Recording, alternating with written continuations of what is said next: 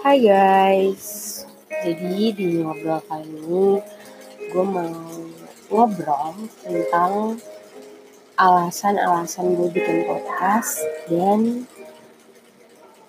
kenapa gue bisa percaya diri bikin podcast. Alasan pertama gue bikin podcast itu karena gue ngerasa gue butuh wadah untuk meluapkan isi kepala gue. Jadi gue tuh kalau di rumah, gue kadang suka ngobrol sama diri sendiri gitu. Terus uh, ngobrol sama dinding-dinding kamar mandi, sama langit-langit kamar, sama angin, sama kaca. Dan gue ngerasa kasihan aja gitu, bukan ngerasa kasihan sih, kayak gue ngerasa sia-sia aja gitu. Masa gue udah mikir susah, gak susah juga sih. Masa gue udah mikir, masa pikiran-pikiran gue yang keluar ini udah hilang gitu aja gitu tanpa diwadahi gitu. Jadi gue memutuskan buat bikin podcast. Ya walaupun kayaknya isinya bakalan tentang bacotan gue doang, tapi gue berharap adalah satu atau dua kalimat yang bisa nyantol di otak kalian dan bisa berguna buat kalian. Terus alasan kedua kenapa gue mau bikin podcast, hmm, gue pengen didengar. Jadi pas karantina ini gue ngerasa kayak kok gue jarang banget ngobrol sama orang. Kok gue jarang banget meluapkan apa yang gue rasa. Kok gue jarang banget buat ketemu orang buat sekedar ngobrol atau bertukar cerita buat bertukar opini jadi gue ngerasa karena hal-hal kayak gitu gue ngerasa ah gue pengen nih didengar karena udah lama banget nih nggak ketemu sama teman-teman gue sahabat-sahabat gue orang-orang terdekat gue buat sekedar ngobrol atau bertukar opini. Jadi gue bikin podcast ini sebagai sebuah media juga sih sebenarnya buat didengar ya semoga pandemi ini cepat pergi jadi kita bisa ngumpul lagi bersama orang-orang yang kita rindukan amin alasan terakhir kenapa gue bikin podcast adalah penasaran. Iya, gue tuh penasaran sama seberapa sanggup gue menerima hujatan dari orang-orang tentang podcast gue. Karena gak semua orang bakal suka dan setuju sama podcast gue. Jadi gue penasaran seberapa kuat mental gue buat menghadapi semua hujatan. Cie.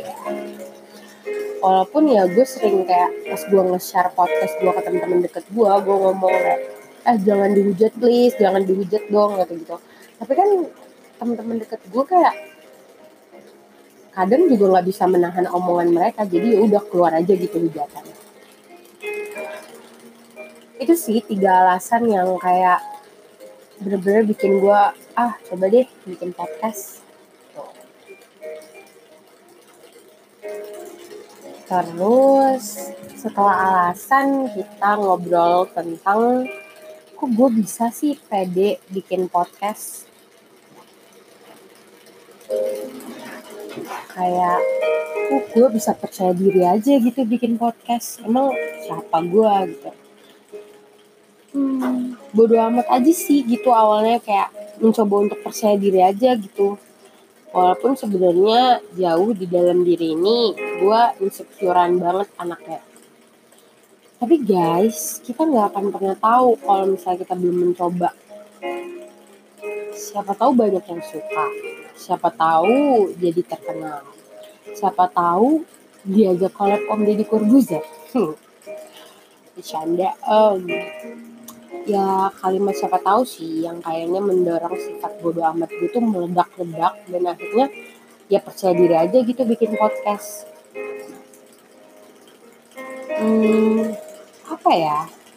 Pesan gue buat temen-temen di luar sana yang sekarang tuh pengen banget nyoba sesuatu yang baru tapi masih takut sama apa yang bakal dipikirin orang-orang. Hey coba deh untuk put yourself first. Kalau misalnya apa yang kamu lakuin itu buat kamu senang, buat kamu bahagia, yang ngapain harus mikirin kata-kata orang lain kalau misalnya apa yang kamu lakuin itu bukan sesuatu yang salah bukan sesuatu yang mempermalukan keluarga ngapain harus mikirin kata-kata orang lain toh kamu bikin itu juga buat kesenangan diri kamu sendiri buat kebahagiaan diri kamu sendiri buat diri kamu sendiri bukan buat orang lain. Ya sampai kapan juga kita tuh mau menempatkan pikiran orang lain di atas kemauan kita di atas kebahagiaan kita. Jatuh bangunnya bakal kamu sendiri yang rasain kok. Jadi nggak ada salahnya kan buat coba dulu. Ya intinya jangan pernah takut untuk mencoba sesuatu yang baru. Udahlah nggak usah pikirin kata-kata orang dulu. Pikirin diri kamu sendiri dulu aja. Jadi egois untuk diri sendiri tuh kadang nggak salah kok. Dan kadang nggak salah kok.